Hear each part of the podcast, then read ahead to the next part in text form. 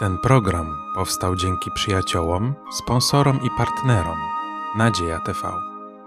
Dziękujemy. Serdecznie witam wszystkich widzów telewizji Nadzieja TV na kolejnym rozważaniu Słowa Bożego w Kościele Adwentystów Dnia Siódmego w Podkowie Leśnej. E, Dalej rozważamy list do Rzymian. Dzisiaj takim szczególnym tematem, który będzie nas zajmował, to jest e, chrześcijańskie życie.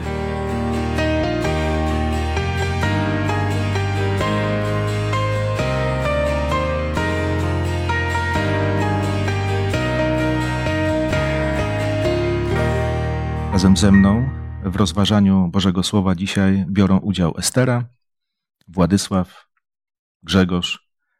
Ja na imię mam Mariusz. Zanim sięgniemy do Bożego Słowa i przeczytamy pierwsze słowa, chciałbym, żebyśmy się pomodlili. Dobry nasz Panie i Boże, wyrażamy naszą wdzięczność za Twoje szczególne prowadzenie, za inspirację, jaką Boże jesteś, za Twoje święte słowo, które jest źródłem nadziei, obietnic. Dziękuję, drogi Panie, że przez Ducha Świętego wykładasz to słowo i dzisiaj możemy kolejny raz pochylić się nad tym cennym duchowym chlebem. Karm nas tym cudownym darem i spraw, żeby to słowo i działanie Ducha Świętego zmieniało wszystkich nas, gdy sięgamy do tych fragmentów tekstów Słowa Bożego, które zmieniły już wielu ludzi. Spraw, żeby ten wpływ na nas był wartościowy, byśmy przynosili dobre owoce na Twoją chwałę. Proszę o szczególne błogosławieństwo podczas naszej dyskusji, naszej rozmowy. Niech Twoje imię będzie uwielbione przez Pana Jezusa, o to proszę. Amen. Amen. Rozważaliśmy w ostatnim czasie list do Rzymian, e, właściwie sięgając do każdego rozdziału, który tutaj jest zawarty. Wiele myśli.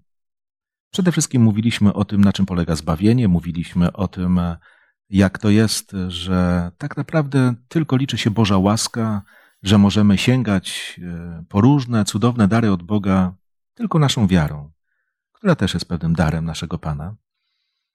A dzisiaj mówimy na temat chrześcijańskiego życia. I to jest, myślę, takie, takie prawdziwe, bo zobaczcie, nie chodzi o to tylko, żeby umieć określić, co jest dobre. Nie chodzi o to tylko, żeby określać, na czym polega zbawienie, ale tak naprawdę Paweł próbuje nam pokazać, jak żyje człowiek zbawiony, jak żyje człowiek, do którego dociera i przeżywa usprawiedliwienie z Bożej, z Bożej łaski. I dlatego mamy czternasty rozdział, który też nie jest jakoś zawieszony w próżni. To nie jest jakaś teoretyczna myśl, która się tutaj pojawia, ale na bazie konkretnych rzeczy, o których Paweł gdzieś wie i o których myśli, próbuje pokazać, jak powinni nawzajem traktować się ludzie. Jakby nie szukając daleko, chciałbym, żebyśmy rozpoczęli od przeczytania pierwszych trzech wersetów czternastego rozdziału. A słabego wierze przyjmujcie, nie wdając się w ocenę jego poglądów. Jeden wierzy, że może jeść wszystko, słaby zaś jarzynę jada. Niechże ten, kto je, nie pogardza tym, który nie je, a kto nie je, niech nie osądza tego, który je, albowiem Bóg go przyjął. Bardzo ciekawy urywek Biblii. No na pewno nie czytamy tutaj, że obojętne jest, czy mamy wielką, czy słabą wiarę. Nie, o tym tutaj nie ma mowy. Ale dobrze byłoby określić, jaki to problem dostrzega apostoł Paweł i w jaki sposób próbuje nam wyjaśnić kwestię właśnie tych wzajemnych, zdrowych relacji wśród chrześcijan. Jaki problem w ogóle istnieje, o którym tutaj mówimy, że niektórzy są traktowani jako ci, którzy mają słabą wiarę, czy są słabi w wierze.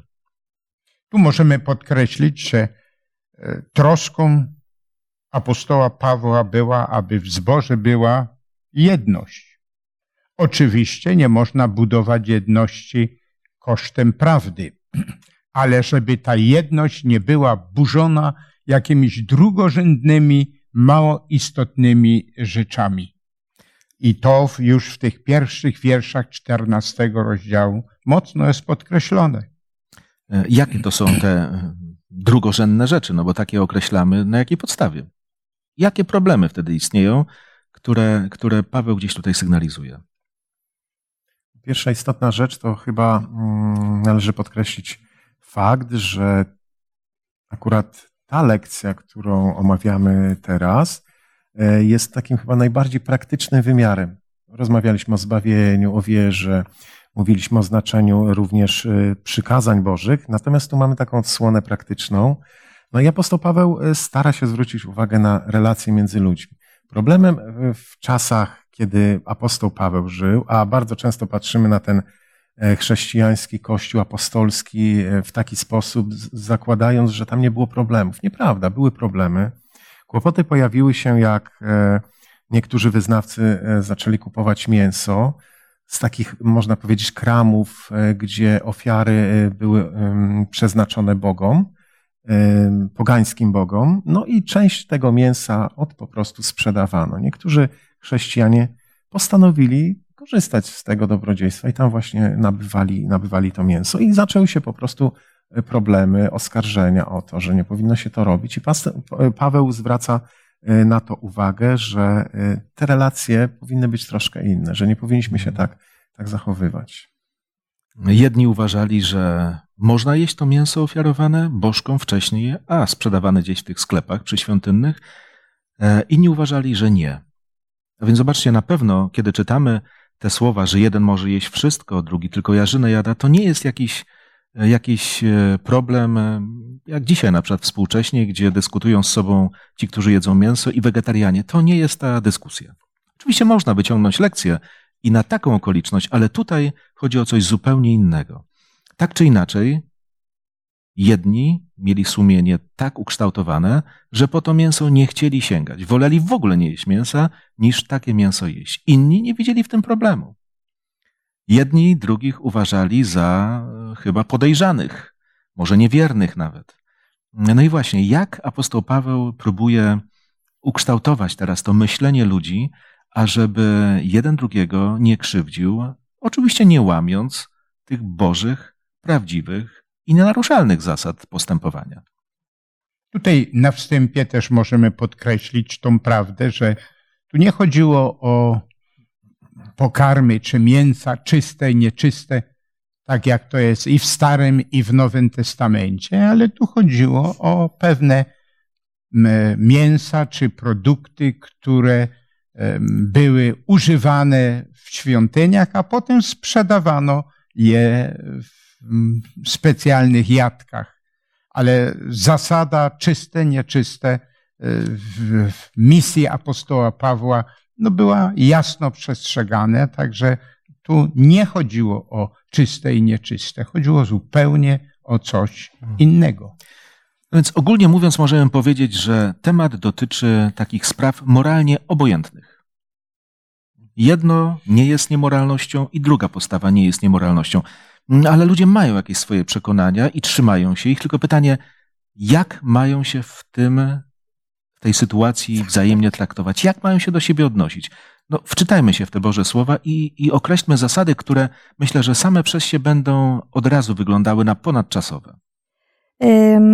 Pismo Święte mówi, e, kimże ty jesteś, że osądzasz cudzego sługę? Czy stoi, czy pada, do, pa, do Pana swego należy. Ostoi się jednak, bo Pan ma moc podtrzymać go. Czyli i jedni i drudzy byli dziećmi bożymi, ale po prostu nie umieli razem rozmawiać. Gdzieś jakieś były, yy, no nie umieli się dobrze traktować. I siódmy wiersz mówi, albowiem nikt z nas dla siebie nie żyje i nikt dla siebie nie umiera. No więc nie umieli się właściwie traktować. To co w tym wszystkim było złego? No powiedzmy konkretnie, na czym polega problem tych ludzi? Jeżeli czytałaś, zobacz werset czwarty jest napisane, kimże ty jesteś, że osądzasz cudzego sługę? Widzimy w tym problem? Osądzanie, czy to jest kwestia, która zaistniała kiedyś, setki lat temu, czy jest to problem po prostu powszechny ludzkości? Człowiek Mamy... osądza drugiego człowieka. Rzadko czy często się zdarza? Właśnie to jest y, słabość człowieka, no, że myśli, że to ja jestem w porządku, a ten drugi to jest y, jakby nie... nawet nie trzeba było komentować, prawda? Ale łapiemy się w tę pułapkę. Tak. Osądzamy. Osądzamy. Albo popatrzmy na werset pierwszy, gdzie jest powiedziane, e, a słabego wierze przyjmujcie, nie wdając się w ocenę jego poglądów. Musisz od razu ocenić jego pogląd? właśnie. Musisz mieć wyrobione zdanie na ten temat? Musisz czuć się lepiej? Zresztą słuchajcie, lepiej.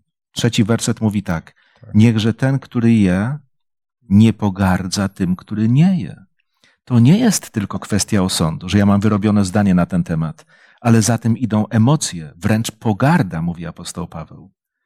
A więc ludzie, którzy tyle mówią o tym, że kochają Pana Boga, że marzą o zbawieniu, tym wiecznym zbawieniu, czasami nie potrafią żyć na tej ziemi.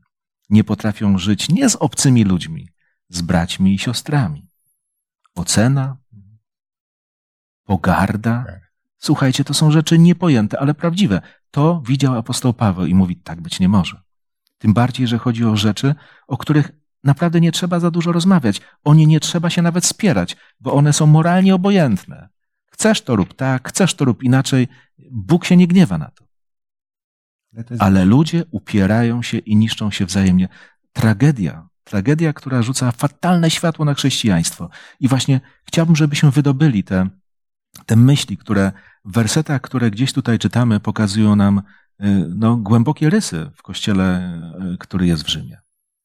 Właśnie na tym skupia się Paweł. E, Wielu ludzi szuka w tym rozdziale czegoś, czego Paweł nie próbuje tam komentować, czy omawiać, czy wskazywać na cokolwiek. On mówi tutaj o relacjach między ludźmi i o sposobie podejścia do osoby, która myśli troszkę inaczej.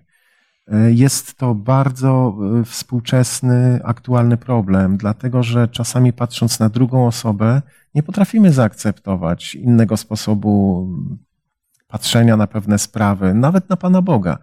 I to jest niewłaściwe, bo Jezus był osobą, która był Bogiem, był człowiekiem na ziemi, ale był osobą, która potrafiła tolerować i akceptować. Dla mnie e, zaskakujące było, gdy pierwszy raz e, czytałem Nowy Testament, chociażby historia setnika rzymskiego. Pomyślałem, okupant i Chrystus w taki sposób wyciąga do niego dłoń, w taki sposób go zmienia, pomaga.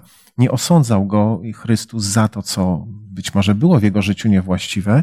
I tutaj apostoł Paweł również zwraca na to uwagę. Jest to powszechny problem w Rzymie, w Jerozolimie, w Polsce i nie tylko wtedy, ale również i, i dzisiaj. I warto zadać sobie pytania, czytając właśnie te fragmenty Słowa Bożego, czy ja dzisiaj postępuję tak, jak sugeruje Paweł, czy też sugeruję tak, jak Paweł to określa, że ci ludzie postępowali, bo to jest, to jest coś, co nie prowadzi do, do jedności, tylko do rozłamu, a Bóg buduje, Bóg nie, nie dzieli, szatan dzieli, Bóg łączy.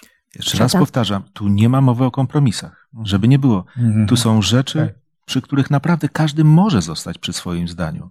E, Natomiast jeden człowiek takiego prawa nie daje drugiemu. Dlaczego? Ano może dlatego, że jest zapatrzony tylko w siebie. Ale przeczytajmy werset dziesiąty. Dlaczego więc osądzasz swego brata, albo dlaczego go odrzucasz? Wszyscy przecież staniemy przed Bożym Trybunałem. No właśnie, zobaczcie, surowe podejście do drugiego człowieka. Nie? Takie, takie nacechowane, no właśnie, nie tym, co buduje, tylko takim własnym uporem trzymania się przy swoim zdaniu. E, Człowiek się w ten sposób ogranicza. To jeszcze jak człowiek sam siebie ogranicza, to pół biedy, ale ogranicza innego człowieka. Gdzie wolność chrześcijańska? Gdzie właśnie takie poczucie, że służę Bogu z czystego sumienia, e, z przekonaniem, jakie Bóg mi daje? Jeden człowiek zabiera prawo drugiemu człowiekowi do takiej postawy. Nie w chrześcijaństwie. Chrześcijaństwo powstało i nigdy zamiarem Boga nie było, żeby była to jakaś sekta, gdzie wszyscy podobnie myślą i wszyscy pod sznurek e, jakby trzymają się e, tego samego zdania w każdej kwestii. Otóż nie musi tak być. I to jest naprawdę niezwykle cenna cecha Kościoła, które, e, który powstał. Tu możemy podkreślić, że to pisał Paweł, który w sprawach, które dotyczyły zbawienia, wypowiadał się bardzo zdecydowanie. Natomiast to były drugorzędne rzeczy, które nie decydowały o zbawieniu i dlatego no, apelował, aby te drugorzędne rzeczy, wspominaliśmy już jakie, nie y, powodowały y, braku jedności, czy jakieś wzajemne osądzanie y, i wzajemne krytykowanie. To, to mówił ten apostoł, który w sprawach istotnych miał tak zdecydowanie zdanie, ale doradzał, aby w drugorzędnych rzeczach no tego, to nie występowało. Rozdział, który rozważamy, nie jest rozdziałem też takim prostym. Myśli, które wyrażamy, mogą wydawać się oczywiste, chociaż uważam, że w życiu wcale takimi oczywistymi nie są. Natomiast e, na pewno są też takie urywki, e, szczególnie myślę o czternastym wersecie tego rozdziału, które chyba często mogą być opacznie rozumiane. Władysław, chyba na początku ty powiedziałeś, że tutaj nie ma mowy o tym, czy jeść, czy nie jeść pokarmy, które są w Biblii określane jako nieczyste. nieczyste. Aż tu nagle, czternasty werset mówi tak. Pomyślmy, kto będzie chciał odpowiedzieć na pytanie, jak ja. należy to zrozumieć, ale czternasty werset mówi tak. Wiem i jestem przekonany w Panu, Jezusie, że nie ma niczego, co by samo w sobie było nieczyste. Nieczyste jest jedynie dlatego, kto je za nieczyste uważa. Ja dzisiaj miałam, muszę powiedzieć, problem trochę. Y, wzięłam Biblię Warszawską, y, wzięłam Biblię Gdańską, wzięłam Biblię Tysiąclecia i we wszystkich było napis- użyte słowo nieczyste. Gdyby to był człowiek, któremu miałabym to wytłumaczyć, no to była, miałabym pewien problem, więc później poprosiłam męża o grecko-polski Nowy Testament interlinearny księdza profesora Remigiusza Popowskiego. I tam y, porównałam sobie słowa greckie i słowa y, mm, polskie. I w tym czternastym wierszu nie ma słowa nieczysty. Nie jest użyte w języku greckim jako akatartost, tylko jest użyte słowo kojne, czyli pospolity, znaczy rytualnie nieczysty. I właśnie dlatego jest on tak y, powiedziane, że sobie y, nie ma niczego, co by samo w sobie było nieczyste. Nieczyste jest jedynie dlatego, kto je za nieczyste uważa. Więc byli bracia, którzy po prostu y, kupowali, byli mocni i dla nich nie miało znaczenia, że to może kiedyś było ofiarowane bałwanom, ale oni to po prostu y, kupowali y, w tych jadkach, a ci drudzy tak nie chcieli. I na tym był problem, że jedni drugich osądzali. Jakoś nie mogli dziękuję. się zrozumieć. Ale dziękuję, słuchajcie. No, mamy rzeczywiście przykład, który obrazuje nam prostą myśl. To, co mamy przed sobą Biblia, to jest przekład. To jest tłumaczenie na język polski w tym przypadku, a nie, nie zawsze przekład, czyli tłumaczenie jest y, dobrą, do, do, dobrą pracą, którą ktoś wykona. E, ja znam taki jeden przekład y, w języku polskim, gdzie słowo nieczysty tam w ogóle nie występuje. Mhm. Tylko występuje tam słowo skalany. Czy kojno. E, no to jest słowo greckie. W mhm. języku polskim występuje tam słowo mhm. skalany. I mhm. ciekawe, że na przykład Żydzi, gdyby tak wziąć się nawet ich, e, no przecież byli bardzo skrupulatni w trzymaniu się pewnych zasad zdrowotnych, tych, tych e, e, uwzględniających podział zwierząt na czyste i nieczyste. Oni na przykład, kiedy mieli, no nie wiem, czystego baranka, znaczy baranka, który jest mięsem czystym, mhm. mówię już tutaj o zabitym zwierzęciu, ale jakiegoś, jakiejś części tego zwierzęcia też nie jadali a nawiązywali do historii, kiedy Jakub walczył z Panem Bogiem i tam jest powiedziane, że anioł Jakuba uderzył gdzieś w bok. No, ta historia kończy się tym, że w końcu e, Jakub jest błogosławiony, ale jest powiedziane, a od tego momentu Żydzi nie jedzą właśnie tego ścięgna, które ma zwierzę w tym miejscu, gdzie Jakub został uderzony. Jaki to ma związek z nauczaniem Biblii? Żaden. Typowa tradycja, typowy zwyczaj, ale dla Żyda było to ważne i on tego po prostu nie jadł. Dla niego ta część zwierzęcia czystego była skalana. No, ktoś powie, a dla mnie nie jest. Paweł mówi, nie każdy pozostanie przy swoim zdaniu. Właśnie o to chodzi, że są sprawy, przy których nie trzeba się upierać, a kwestia tych zwierząt czystych i nieczystych, no ona nigdy nie była postawiona na tej zasadzie, że uważasz, że jest czyste, to jest czyste, uważasz, że jest nieczyste, to jest nieczyste. Nie, nie. W tej kwestii się Bóg wypowiedział i powiedział wyraźnie, jak jest. Natomiast w tych kwestiach rzeczywiście ta dowolność e, zachowania się istnieje, bo nie dotyka e, zasad, które Bóg wyraźnie określił w Starym Testamencie. Ale rzeczywiście dobrze jest sięgać głęboko, porównywać, sięgać do różnych przekładów Biblii, nawet jeżeli kogoś stać, do języków oryginalnych, bo czasami rzeczywiście można zobaczyć, że to, co wydaje się oczywistą myślą, tego tam nie ma. Czytam Biblię i zadaję sobie pytanie, co tam jest i czego tam nie ma. I to jest bezpieczne.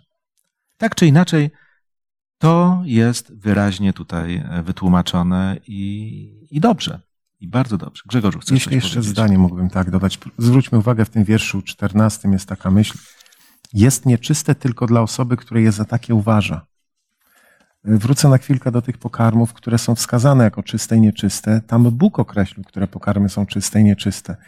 E, Więc można by założyć, przyjmując ten werset za jakieś wytyczne, że, że Paweł podważa to, co Bóg powiedział. Tak nie może być. E, On tu mówi, że osoba uważa za czyste i nieczyste. I można to wytłumaczyć w ten sposób. Gdybyśmy e, podjęli temat rozmowy o prawie Bożym, to my dokładnie znamy przykazania na podstawie tekstów biblijnych i możemy podyskutować, co oznaczają te słowa w prawie Bożym, ale nie dyskutujemy, jakie one są, czy one są prawidłowe, czy nie. I Paweł tu też nie podejmuje dyskusji z samym zagadnieniem czystości czy nieczystości pokarmów, tylko on mówi już o tych czystych pokarmach, tylko właśnie o to, o czym wcześniej wspomnieliśmy, przeznaczonych e, jakby Bogom i później te części są sprzedawane. On mówi o tych czystych, tak? Tylko uznanych za nieczyste przez niektóre osoby z powodu chociażby ich przeznaczenia. I wydaje mi się, że o to tutaj właśnie chodzi. To trzeba mocno wyartykułować, bo e, patrząc na ten, e, na ten rozdział, niełatwy, bądź co bądź, Paweł jako Żyd mówił o bardzo oczywistych rzeczach dla niego. I mówił do ludzi, którzy pewne rzeczy też rozumieli, bo żyli w tamtych, e, w tamtej atmosferze i, i wiedzieli, czego, czego Paweł dotyka. Natomiast dzisiaj bardzo często bierzemy jakiś fragment, który nie do końca e, jest zbieżny z innymi fragmentami Słowa Bożego. Ale pasuje do naszych poglądów. Tak. Natomiast, moi drodzy, przeczytajmy od wiersza 15. Kolejny aż do 20, do końca rozdziału, żebyśmy znowu zagłębili się w te właściwe myśli, które mówią o postawie człowieka Jeżeli- względem człowieka. Okej. Jeżeli zaś z powodu pokarmu trapi się twój brat, to już nie postępujesz zgodnie z miłością. Nie zatracaj przez swój pokarm tego, za którego umarł Chrystus. Niechże tedy to, co jest dobrem waszym, nie będzie powodem do bluźnierstwa. Albowiem Królestwo Boże to nie pokarm i napój, lecz sprawiedliwość i pokój i radość w Duchu Świętym. Bo kto w tym służy Chrystusowi, miły jest Bogu i przyjemny ludziom. Dążmy więc do tego, co służy ku pokojowi i ku wzajemnemu zbudowaniu. Dla, pogar, dla pokarmu nie niszcz dzieła Bożego. Wszystko wprawdzie jest czyste, ale staje się złem dla człowieka, który przez jedzenie daje zgorszenie. Dobrze jest nie jeść mięsa i nie pić wina ani nic takiego, co by twego brata przyprawiało o upadek. Przekonanie, jakie masz, zachowaj dla siebie przed Bogiem. Szczęśliwy ten, kto nie osądza samego siebie za to, co uważa za dobre. Lecz ten, kto ma wątpliwości, gdy je, jest potępiony, bo nie postępuje zgodnie z przekonaniem. Wszystko zaś, co nie wypływa z przekonania, jest grzechem. To jest Więc troszeczkę podobne proponuję, żebyśmy jeszcze, 14. żebyśmy jeszcze w tej chwili dokonali no, takiego podsumowania, co takiego niezwykłego zauważyliśmy w tym urywku Biblii. Zasady, o których może już mówiliśmy, a może jeszcze niekoniecznie. Więc jak to życie chrześcijańskie wygląda? Szczególnie w wierszu 15 jest bardzo ważna myśl. Nie zatracaj przez swój pokarm tego, za którego Chrystus umarł. Przez swoisty jakiś pogląd odnośnie pokarmów nie zatracaj brata. Tym bardziej, że za tego brata umarł Jezus Chrystus. Jest przeznaczony przez łaskę Bożą do zbawienia. A więc nie zatracaj go, nie potępiaj go za swój jakiś, może użyję takiego słowa, swój jakiś taki dziwny pogląd na te tematy. Jeżeli to jest i twój pogląd, to zostaw to dla siebie, a nie zatracaj brata. Daleko może pójść rzeczywiście, bardzo daleko może pójść moje przekonanie. Nie? Jeżeli niszczę drugiego człowieka, E, no trudno nie mieć skrupułów w takiej sytuacji. No, Paweł mówi, zatrzymaj się człowieku, no przecież ludzie giną, a ty jesteś zadowolony z tego? Tym bardziej, że zobaczcie, jak czytamy, e, szesnasty werset mówi, niechże te, to, to, co jest dobrem waszym, nie będzie powodem do bluźnierstwa. Mhm. On mówi o rzeczach dobrych. A może to być powodem bluźnierstwa? Niesamowite. Dwudziesty werset mówi, wszystko wprawdzie jest czyste. Czyli o takich rzeczach jest mowa. Ale staje się złem dla człowieka, który przez jedzenie daje zgorszenie. Co jeszcze byśmy podkreślili w tych słowach? Ciekawe jest to, że Paweł tutaj, bardzo mi się w ogóle podoba sposób jego zwracania uwagi, sposób zwracania uwagi przez Pawła ludziom, bo on w pewnym sensie też dokonuje osądu tego, co się właśnie tam w Rzymie dzieje między siostrami braćmi, ale w jaki sposób y, umiejętny to, to robi, bo warto tutaj dodać, że my nie mamy prawa osądzać drugiego człowieka, natomiast na pewno mamy prawo, żeby ocenić wydarzenie w życiu danego człowieka.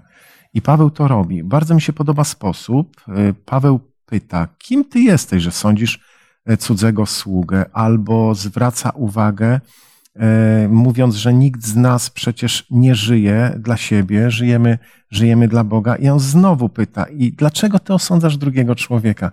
Robi to w taki, w taki sposób. I sądzę, że tutaj też oprócz pytań, tych, które stawia, E, zwraca uwagę na problem, ale daje też rozwiązanie, bo wskazuje na Chrystusa.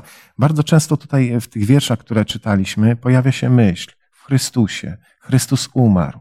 Chrystus nie osądzał. Jakby między wierszami można to, to wyczytać. I to jest przepiękne właśnie w tym, w tym rozdziale, że z jednej strony jest problem, ale jest wyjście. I myślę, że kłopotem jest tak naprawdę, ja tu się posłużę moją Biblią, gdy patrzymy na pierwszą stronę i na ostatnią stronę Biblii, nie zajrzymy do środka. I to nazywamy skrajnościami. I tu z jednej strony problemem jest, jeśli osądzamy drugą osobę, uważamy, że ona źle robi, bo ja mam taki punkt widzenia i to mi się nie podoba, ja tak żyję, to i ty tak musisz. A z drugiej strony, jeśli ty nawet uważasz coś za słuszne, a gorsze to twojego brata, to nie rób to na pokaz, żeby nie prowadzić go ku złemu. I, i tu, tu był naprawdę ten problem. I w tamtym kościele widać, że ten kłopot z tymi skrajnościami też miał miejsce. Pytanie, czy dzisiaj nie przeżywamy czasami takich sytuacji, gdy widzimy takie skrajności, albo w jedną stronę bardzo mocno, albo w drugą. I myślę, że warto szukać tej drogi środka, jakiegoś porozumienia. Nawet coś uważam za właściwe, ale komuś się to nie podoba. Nie gorsz brata swego, bo powinieneś troszczyć się o to, żeby też szedł tą dobrą drogą, a jeśli go gorszysz, to to jest niewłaściwe. Nie, muszę, nie muszę demonstrować inności, prawda? Mhm. E, zobaczcie, z jednej strony Paweł mówi, niech każdy pozostanie przy swoim zdaniu. Wiecie, i czasami ludzie mogą tak uparcie trzymać się swojego zdania, że aż boli. Paweł mówi, słuchajcie, dla dobra drugiego człowieka to ja mogę nie jeść mięsa i tak dalej, i tak, bo, bo liczy się człowiek. Liczy się człowiek. To jest, zobaczcie, też jaka dojrzała myśl. Mówimy o ludziach, którzy żyli dwa tysiące lat temu, ale to byli ludzie, którzy spotkali Chrystusa i wiedzieli, co jest tak naprawdę ważne i jak z tego właśnie powinny wypływać nauki co do chrześcijańskiego życia. W siedemnastym wierszu apostoł Paweł podkreśla, że y, Królestwo Boże to sprawiedliwość i pokój i radość w Duchu Świętym. Kto tak służy Chrystusowi, jest przyjemny Bogu i ludziom. A więc życzyć sobie tylko tego, żebyśmy dyskutując na chrześcijańskie tematy, nie zabierali ludziom pokoju, serc, żebyśmy się wzajemnie nie kłócili. Pamiętajmy o tym, wiecie, jeżeli już mówimy jeść, nie jeść, to może pamiętajmy o tym wtedy, kiedy akurat y, rozpoczniemy z kimś rozmowę albo dołączymy się do rozmowy, albo będziemy po prostu świadkami rozmowy na temat, e, co lepsze, jedzenie mięsa, czy wegetarianizm, czy weganizm, czy jeszcze jakaś inna forma. E, o wszystkim można rozmawiać. Ja nie mówię, że to są rzeczy nieważne, ale warto wiedzieć, jak rozmawiać, żeby rzeczywiście to wyszło nam na zdrowie także duchowe. Tu możemy zapytać, e, czy pomyśleć o jednym, dlaczego niektórzy taką postawę zajmują. Też trzeba uważać, żebyśmy nie osądzali, ale bardzo często to wypływa z tego, że ja coś więcej czynię, coś dokładniej czynię, nawet to, czego nie jest w piśmie, co nie jest w Piśmie Świętym tak wyraźnie podkreślone, żeby zademonstrować ja jestem lepszy, ja to jeszcze lepiej czynię i tak dalej. A więc taka postawa e, Obawiam się, że to czasem wypływa z takiej prostej postawy egoistycznej, żeby zademonstrować, że ja to lepiej czynię, bardziej idealnie, nawet wbrew temu, co jest napisane w Piśmie Świętym. Słyszałem kiedyś o takiej rozmowie dwóch chrześcijan na temat pewnych prawd e, i pewna osoba przekonywała, miała jakieś tam materiały przygotowane, że musi wręczyć te materiały. Pewne zagadnienia są takie ważne i mówi do tej drugiej osoby, to jest najważniejsza rzecz, najważniejsza rzecz w Piśmie Świętym. A ta druga osoba tak spokojnie wysłuchała i mówi, wiesz co, ja myślałem, że najważniejszą rzeczą jest Jezus Chrystus, najważniejszą osobą. I ta osoba nie rozdała tych materiałów. Skończyło się to tym, że gdzieś tam schowała do, do swojej teczki, ale myślę, że w tym rozdziale jest podobnie. Ludzie rozmawiają, na co zwraca uwagę apostoł Paweł, o pokarmach, o sposobie nabywania tych pokarmów. I Paweł mówi o Chrystusie rozmawiajcie. O Chrystusie, który połączy to wszystko i was razem. Dziękuję bardzo. Moi drodzy, naprawdę mówimy o rzeczach niesamowitych, gdzie człowiek nie musi rezygnować ze swoich e, poglądów, ale może rzeczywiście robić wszystko tak, żeby też i nie niszczyć drugiego człowieka. E, może krótko zwróćmy uwagę jeszcze na inne kwestie, które tutaj gdzieś e, zaistniały. Może te opisane od wiersza czwartego do wiersza dziesiątego. Może, jeżeli mógł prosić Władysława, przeczytaj ten urywek. Kimże ty jesteś, że osądzasz cudzego sługę. Czy stoi, czy pada, do Pana e, swego należy. Ostoi się jednak, bo Pan ma moc podtrzymać go. Jeden robi różnicę między dniem a dniem, drugi zaś każdy dzień ocenia jednakowo. Niechaj każdy pozostanie przy swoim zdaniu. To, kto przestrzega dnia, dla Pana przestrzega kto je, dla Pana je. Dziękuję bowiem Bogu, kto nie je, dla Pana nie je i dziękuję Bogu. Albowiem nikt z nas dla siebie nie żyje i nikt dla siebie nie umiera. Bo jeśli żyjemy, dla Pana żyjemy. Jeśli umieramy, dla Pana umieramy. Przeto, czy żyjemy, czy umieramy, Pańscy jesteśmy na co bowiem Chrystus umarł i ożył, aby i nad umarłymi, i nad żywymi panować. Ty zaś czemu osądzasz swego brata? Albo i ty czemu pogardzasz swoim bratem? Wszak wszyscy staniemy przed sądem Bożym. Dziękuję bardzo. Znowu kwestia, o której moglibyśmy mówić długo. Czy jest tutaj mowa o świętości soboty? Nie. A, a dlaczego nie? Grzegorzu, jak myślisz? Gdybyś miał tak wytłumaczyć esencjonalnie, o jakim problemie w ogóle mówi tutaj apostoł Paweł? Dlaczego nie o świętym dniu sobotnim? Mhm. Było prawo moralne i było prawo ceremonialne, które wraz z Chrystusem zostało zniesione. W liście do Rzymian też analizowaliśmy zagadnienia, które wskazywały na wcześniejszy kwartał, kiedy sięgaliśmy do listu do Galacjan. Tam była mowa o brzezaniu, więc ten problem się ciągnął, on się, on się przekładał na codzienność, na świętowanie pewnych, pewnych dni. Ja może odpowiem e, troszkę w dziwny sposób, ale mm, prawo Boże, prawo moralne zostało nadane przez Boga. Bóg swoim palcem spisał na tablicach kamiennych. Jezus przychodzi na ziemię i mówi, że nie przyszedł zmienić prawa czy zakonu, e, ale je wypełnić. Więc Zadam pytanie dziwne może. Czy Paweł miał w ogóle prawo, żeby podejmować próbę wypowiadania się na, na temat i pisać, że zmienia na przykład prawo Boże, odwołuje, odwołuje sobotę? To by było po prostu nielogiczne. To był wierny, zaangażowany człowiek. On uczęszczał w soboty, w dzień święty do synagogi, świętował ten dzień, celebrował. Więc no nie może być tu mowy o, o sobocie, która jest w dekalogu. On nie łączył tych świąt razem. A już na pewno nie może zostawać tej kwestii e, wyznawcą, mówiąc, jeden świętuje jakiś szczególny dzień, inny nie. No, jeden to robi dla Pana, inny nie świętuje też dla Pana. Wszystko jest. Nie, nie, nie. Tu nie ma, nie ma mowy o takim e, bardzo jakimś liberalnym podejściu do, do dziesięciu przykazań. Ale rzeczywiście, czytając list do Galacjan, na przykład Paweł mówi o problemie, który tam istnieje, takiego judaizowania, gdzie mówi, zachowujecie dni, miesiące, pory roku, lata. No, nie ma takiej potrzeby. Te wszystkie święta izraelskie, o których czytamy w Starym Testamencie, znalazły jakieś swoje wypełnienie w śmierci Pana Jezusa. Nie musimy obchodzić tych świąt.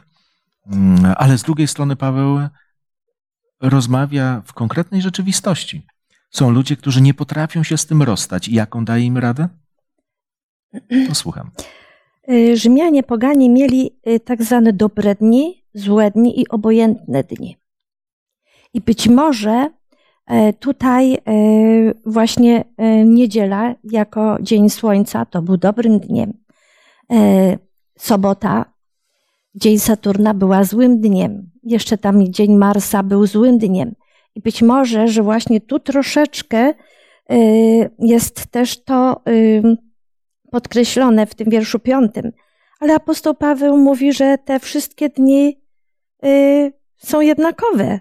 Oczywiście oprócz dnia sobotniego świętego.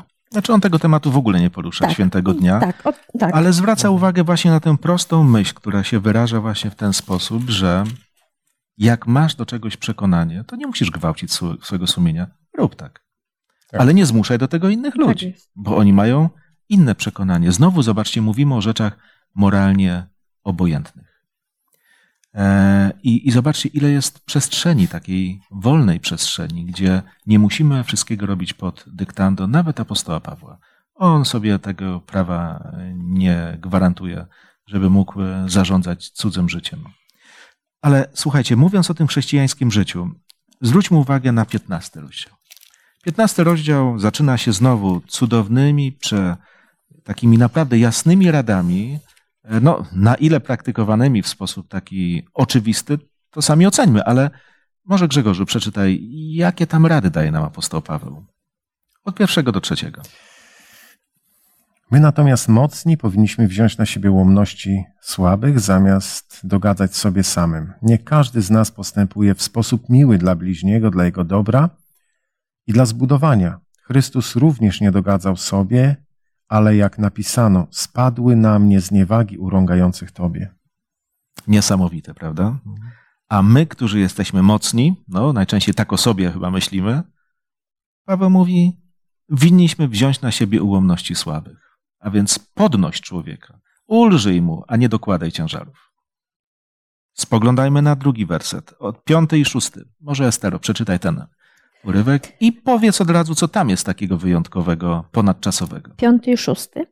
A Bóg, który jest źródłem cierpliwości i pociechy, niech sprawi, abyście byli jednomyślni między sobą na wzór Jezusa Chrystusa, abyście jednomyślnie, jednymi usty wielbili Boga i Ojca Pana naszego Jezusa Chrystusa.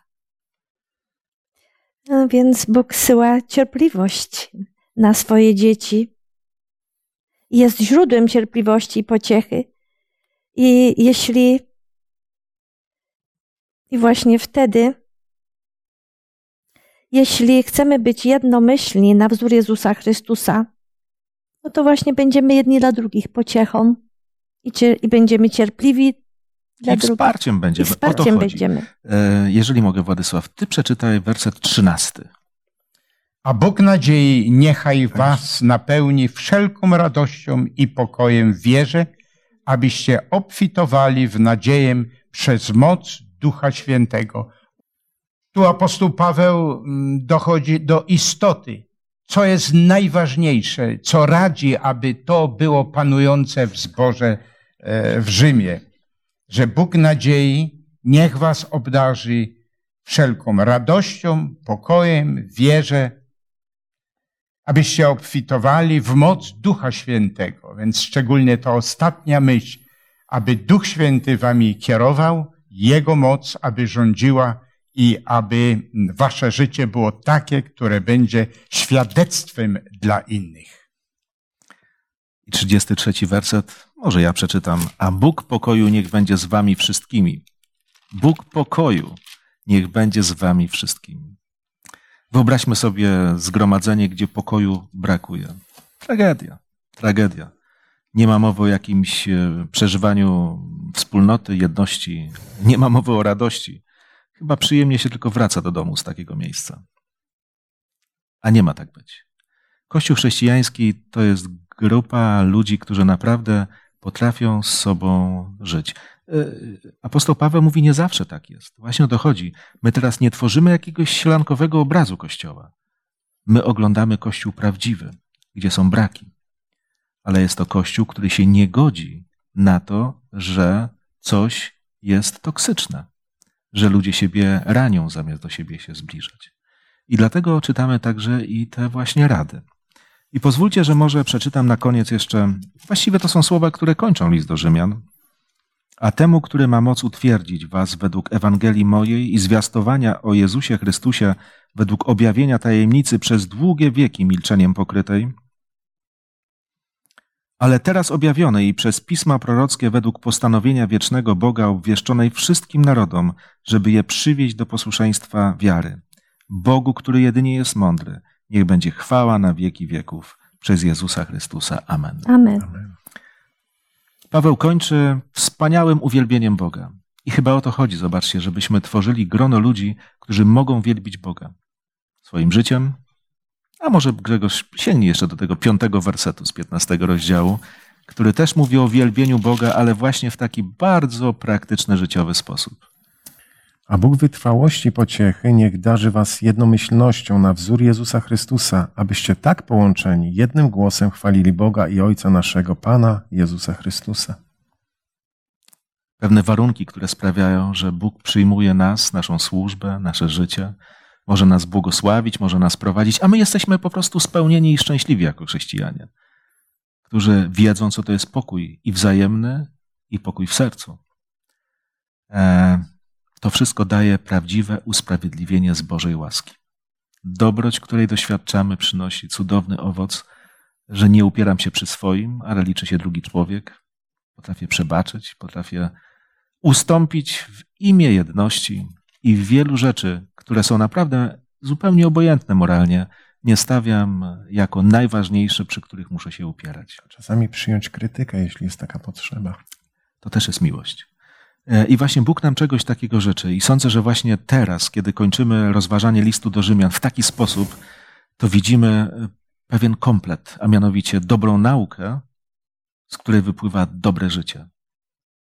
Bo to jest dopiero test właściwej teologii, kiedy przekłada się to na dobre efekty, dobre owoce w życiu tych, którzy tę dobrą teologię naprawdę przyjmują. Moi drodzy, dziękuję Wam. Dziękuję za ten wspólnie spędzony czas. Wszystkim internautom również dziękuję za ten wspólny udział w rozważaniu Bożego Słowa, całego listu do Rzymian.